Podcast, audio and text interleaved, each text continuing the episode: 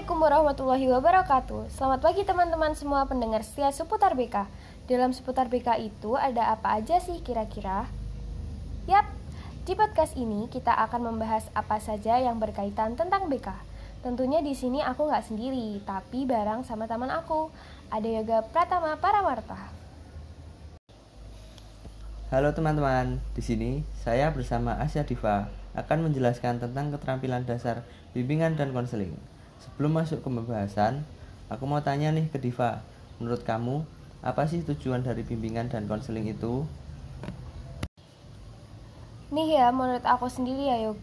Bimbingan konseling itu bertujuan untuk membantu individu supaya mampu memahami diri dan lingkungannya, mampu membuat keputusan dan menentukan tujuan berdasarkan nilai yang diyakininya melalui proses interaksi yang bersifat pribadi antar konselor dan konseli.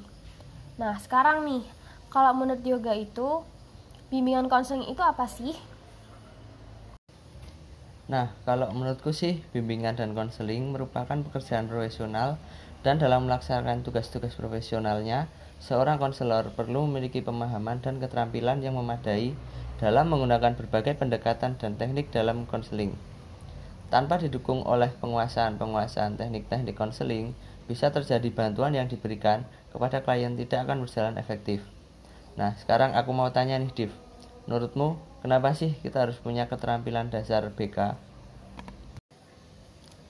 Nah, kalau sebagai fasilitator penyelenggaraan konseling nih, seorang konselor itu harus memiliki berbagai keterampilan dasar bimbingan konseling agar proses konseling dapat berjalan dengan baik, sehingga dapat mencapai tujuan dari konseling itu secara maksimal.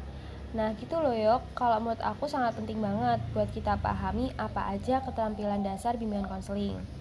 Nah di sini nih ada 15 macam keterampilan dasar bimbingan konseling yang perlu kita tahu sebagai seorang calon konselor dalam melayani konseling. Nah, 15 macam keterampilan dasar BK yaitu ada attending atau perhatian, opening, acceptance, restatement, reflection of feeling atau pemantulan perasaan, clarification, paraphrasing, structuring, lead, silence, advice, summary, konfrontasi, interpretasi, dan termination.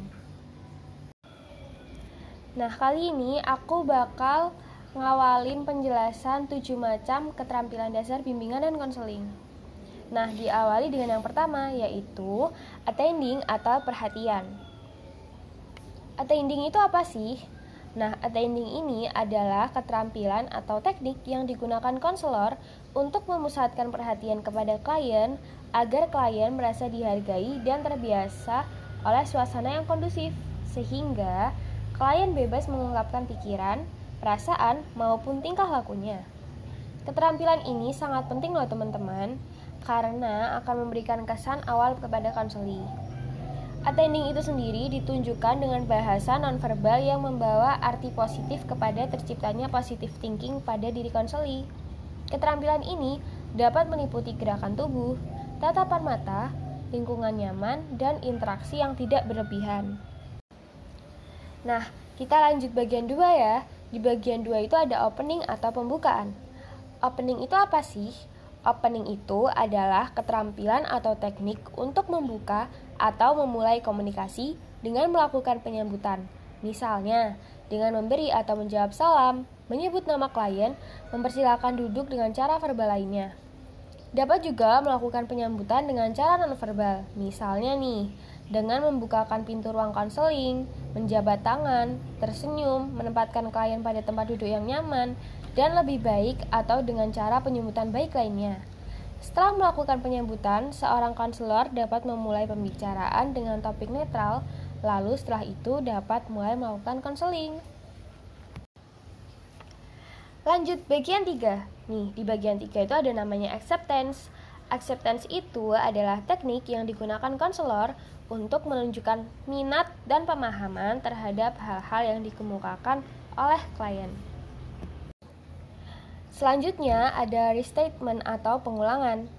Restatement itu adalah teknik yang digunakan konselor untuk mengulangi atau menyatakan kembali pernyataan klien baik sebagian ataupun seluruhnya yang dianggap sangat penting.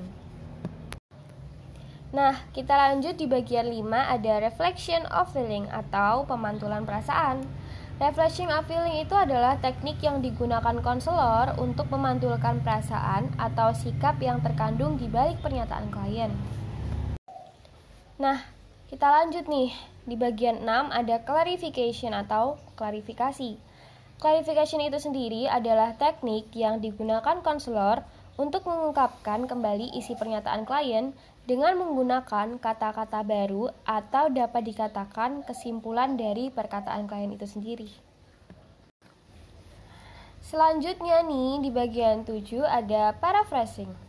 Paraphrasing itu adalah kata-kata konselor untuk menyatakan kembali esensi dari ucapan-ucapan klien. Nah, tadi kan aku udah ada tujuh macam penjelasan tentang keterampilan dasar BK mulai dari attending sampai paraphrasing nih. Sekarang aku mau tanya ke Yoga nih. Masih ada delapan macam keterampilan BK. Nah, itu ada apa aja sih kira-kira? Nah, tadi kan kamu udah nyebutin tujuh keterampilan dasar BK ya. Sekarang aku mau nambahin lanjutannya nih. Jadi, lanjutannya itu ada structuring, lead, silence, advice, summary, konfrontasi, interpretasi, dan termination. Jadi, yang selanjutnya itu ada structuring atau pembatasan. Structuring adalah teknik yang digunakan konselor untuk memberikan batasan-batasan agar proses konseling berjalan dengan apa yang menjadi tujuan dalam konseling. Nah, yang selanjutnya ada lead atau pengarahan.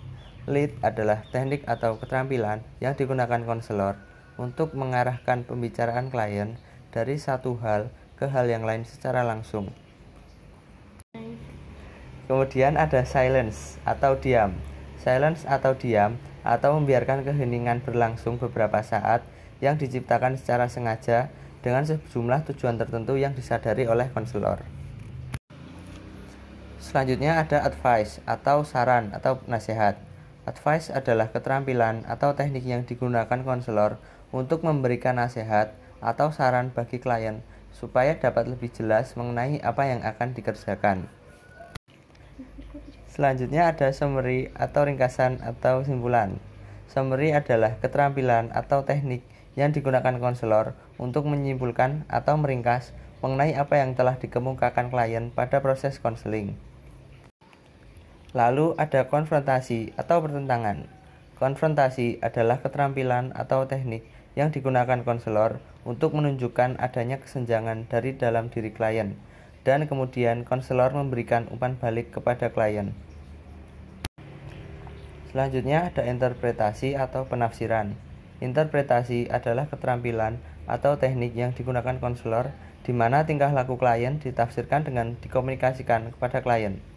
Selain itu, dalam interpretasi konselor menggali arti dan makna yang terdapat di belakang kata-kata klien atau di belakang tindakan maupun perbuatannya saat menceritakan. Nah, yang terakhir ada termination atau pengakhiran.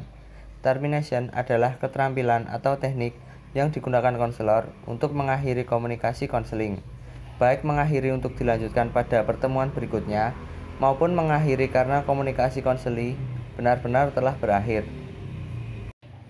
Nah, tadi aku udah jelasin 8 keterampilan dasar nih. Pada dasarnya, keterampilan dasar BK merupakan suatu hal yang penting dan harus dimiliki oleh konselor. Karena ketika konselor memiliki keterampilan dasar konseling, maka proses konseling akan berjalan maksimal dan akan mencapai tujuan yang diinginkan.